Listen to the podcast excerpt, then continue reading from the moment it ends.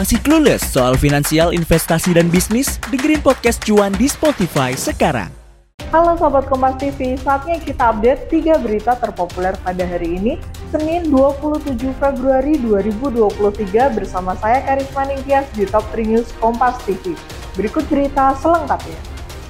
Untuk berita yang pertama, sahabat Kompas TV, Hendra Kurniawan difonis 3 tahun penjara oleh Majelis Hakim. Sementara Agus Nurpatria yang turut serta merusak CCTV Kompleks Duren 3 difonis 2 tahun penjara.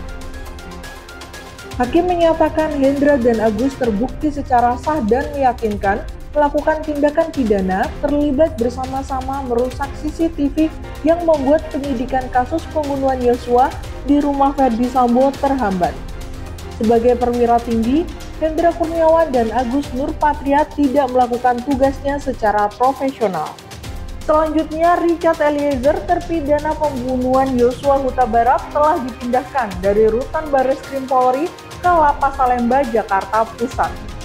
Ini adalah tindak lanjut terhadap putusan Majelis Hakim Pengadilan Negeri Jakarta Selatan yang memvonis Eliezer satu tahun enam bulan penjara. Kejaksaan Negeri Jakarta Selatan telah berkoordinasi dengan Ditjen Pas Kemenkumham dan LPSK mengenai proses eksekusi Eliezer. Dan untuk berita yang terakhir sahabat Kompas TV, kuasa hukum Mario Dandi Satrio hari ini datang ke rumah sakit untuk menjenguk sekaligus menyampaikan permintaan maaf kepada korban penganiayaan David Ozora. Kuasa hukum Mario Dandi, Dolphy Rompas, menyebutkan bahwa pihaknya tidak diizinkan menjenguk karena David masih berada di ruang ICU.